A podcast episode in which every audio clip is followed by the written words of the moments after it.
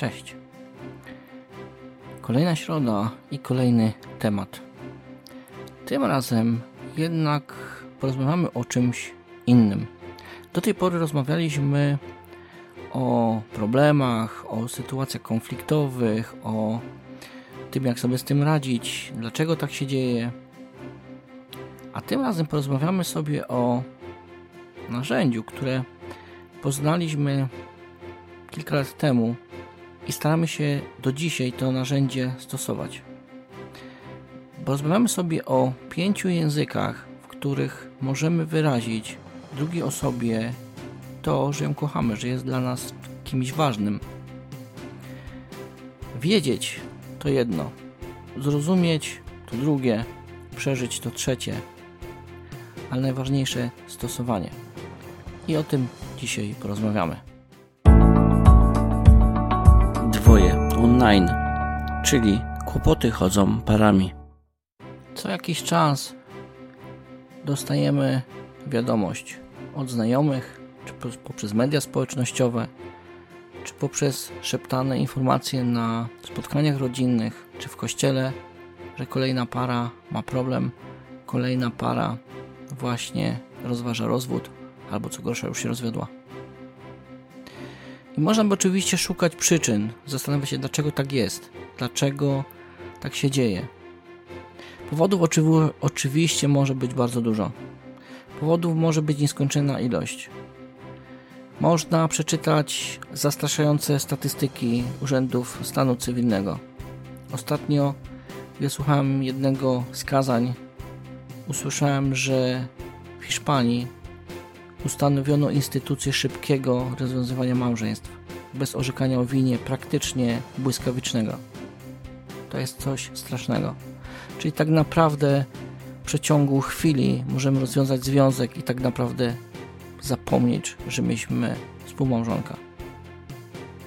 Oczywiście konsekwencje tego pewnie niebawem poznamy i nie jest to dobre. Na pewno nie ma to nic wspólnego z tym, o czym mówi Biblia na temat małżeństwa, czyli o pewnych zasadach, które są od lat i w dzisiejszych nowych czasach nagle zaczynają być one przekształcane wymyślane na nowo. Czy to jest dobre? Nie wiem, nie mi to oceniać. Na pewno to jest coś, co dla mnie jest czymś, co bardzo mnie martwi.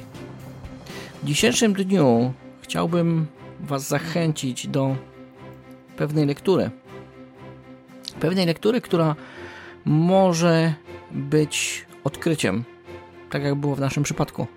Może to być czymś, co wasze, wasze małżeństwo pompuje troszeczkę nowej energii, nowego podmuchu miłości, podmuchu takiego świeżego powietrza, nowego. Może go nie potrzebujesz, a może stosujesz to narzędzie, a nawet o tym nie wiesz. O czym dzisiaj będziemy mówić? Pięć języków miłości. Jest to książka, z którą spotkałem się, jak to mówię, przez przypadek. Bodajże dwa lata temu w Anglii, gdy byłem na odwiedzinach u swojej siostry i miałem możliwość spotkania się z naszymi przyjaciółmi, z którymi od lat jakoś tam utrzymujemy kontakty, mniej lub więcej, ale znamy się jeszcze z czasów kawalerskich. Serdecznie Was pozdrawiam. Pewnie Dominika i Robert wiedzą, że mówię o nich w tym momencie, może słuchają tego. I pamiętam, jak wtedy dowiedziałem się właśnie o książce, która jest o fajnym tytule Pięć języków miłości. Wtedy nie wiedziałem, czy ona jest po polsku, zacząłem jej szukać, okazuje się, że nie miałem jej znaleźć, ale do czasu w pewnym momencie książkę udało mi się nabyć. Tą książką jest pewnego rodzaju śmieszna historia, znaczy śmieszna jest teraz, wtedy mi do śmiechu nie było. Pamiętam, gdy tą książkę zdobyłem, zacząłem ją czytać ukradkiem. To był czas, w którym, no powiedzmy, nasze małżeństwo nie było w fazie rozkwitu.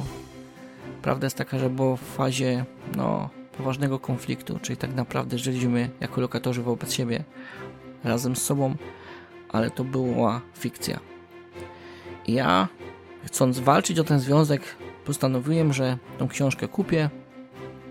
Było to dla mnie jak światełko w tunelu, które chciałem jak najszybciej zastosować. I zacząłem o niej czytać i dowiedziałem się kilku fajnych rzeczy. Nie będę mówił całkiem o szczegółach, bo nie będę psuł Wam tej przyjemności.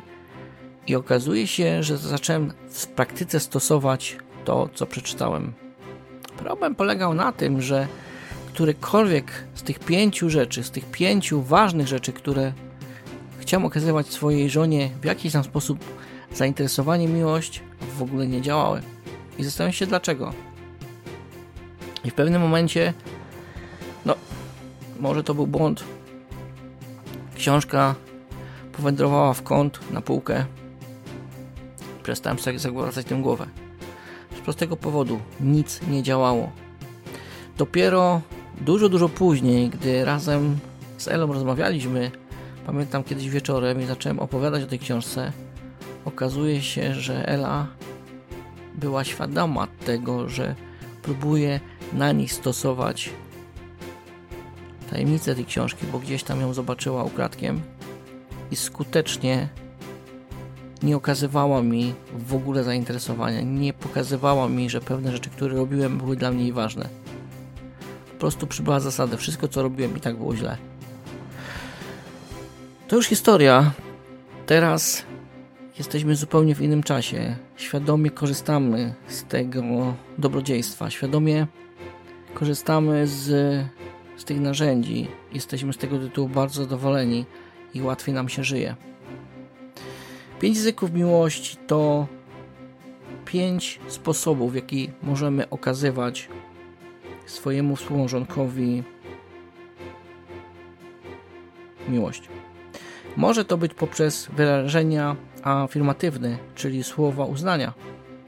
Może to być dobry czas, to taki, który spędzamy razem. Może to być przyjmowanie podarunków, ale nie takich o dużej wartości materialnej, ale nawet czasami coś malutkiego, jakaś drobna, drobny prezencik, coś bardzo drobnego, ale pokazującego, że dla nas ta osoba jest ważna.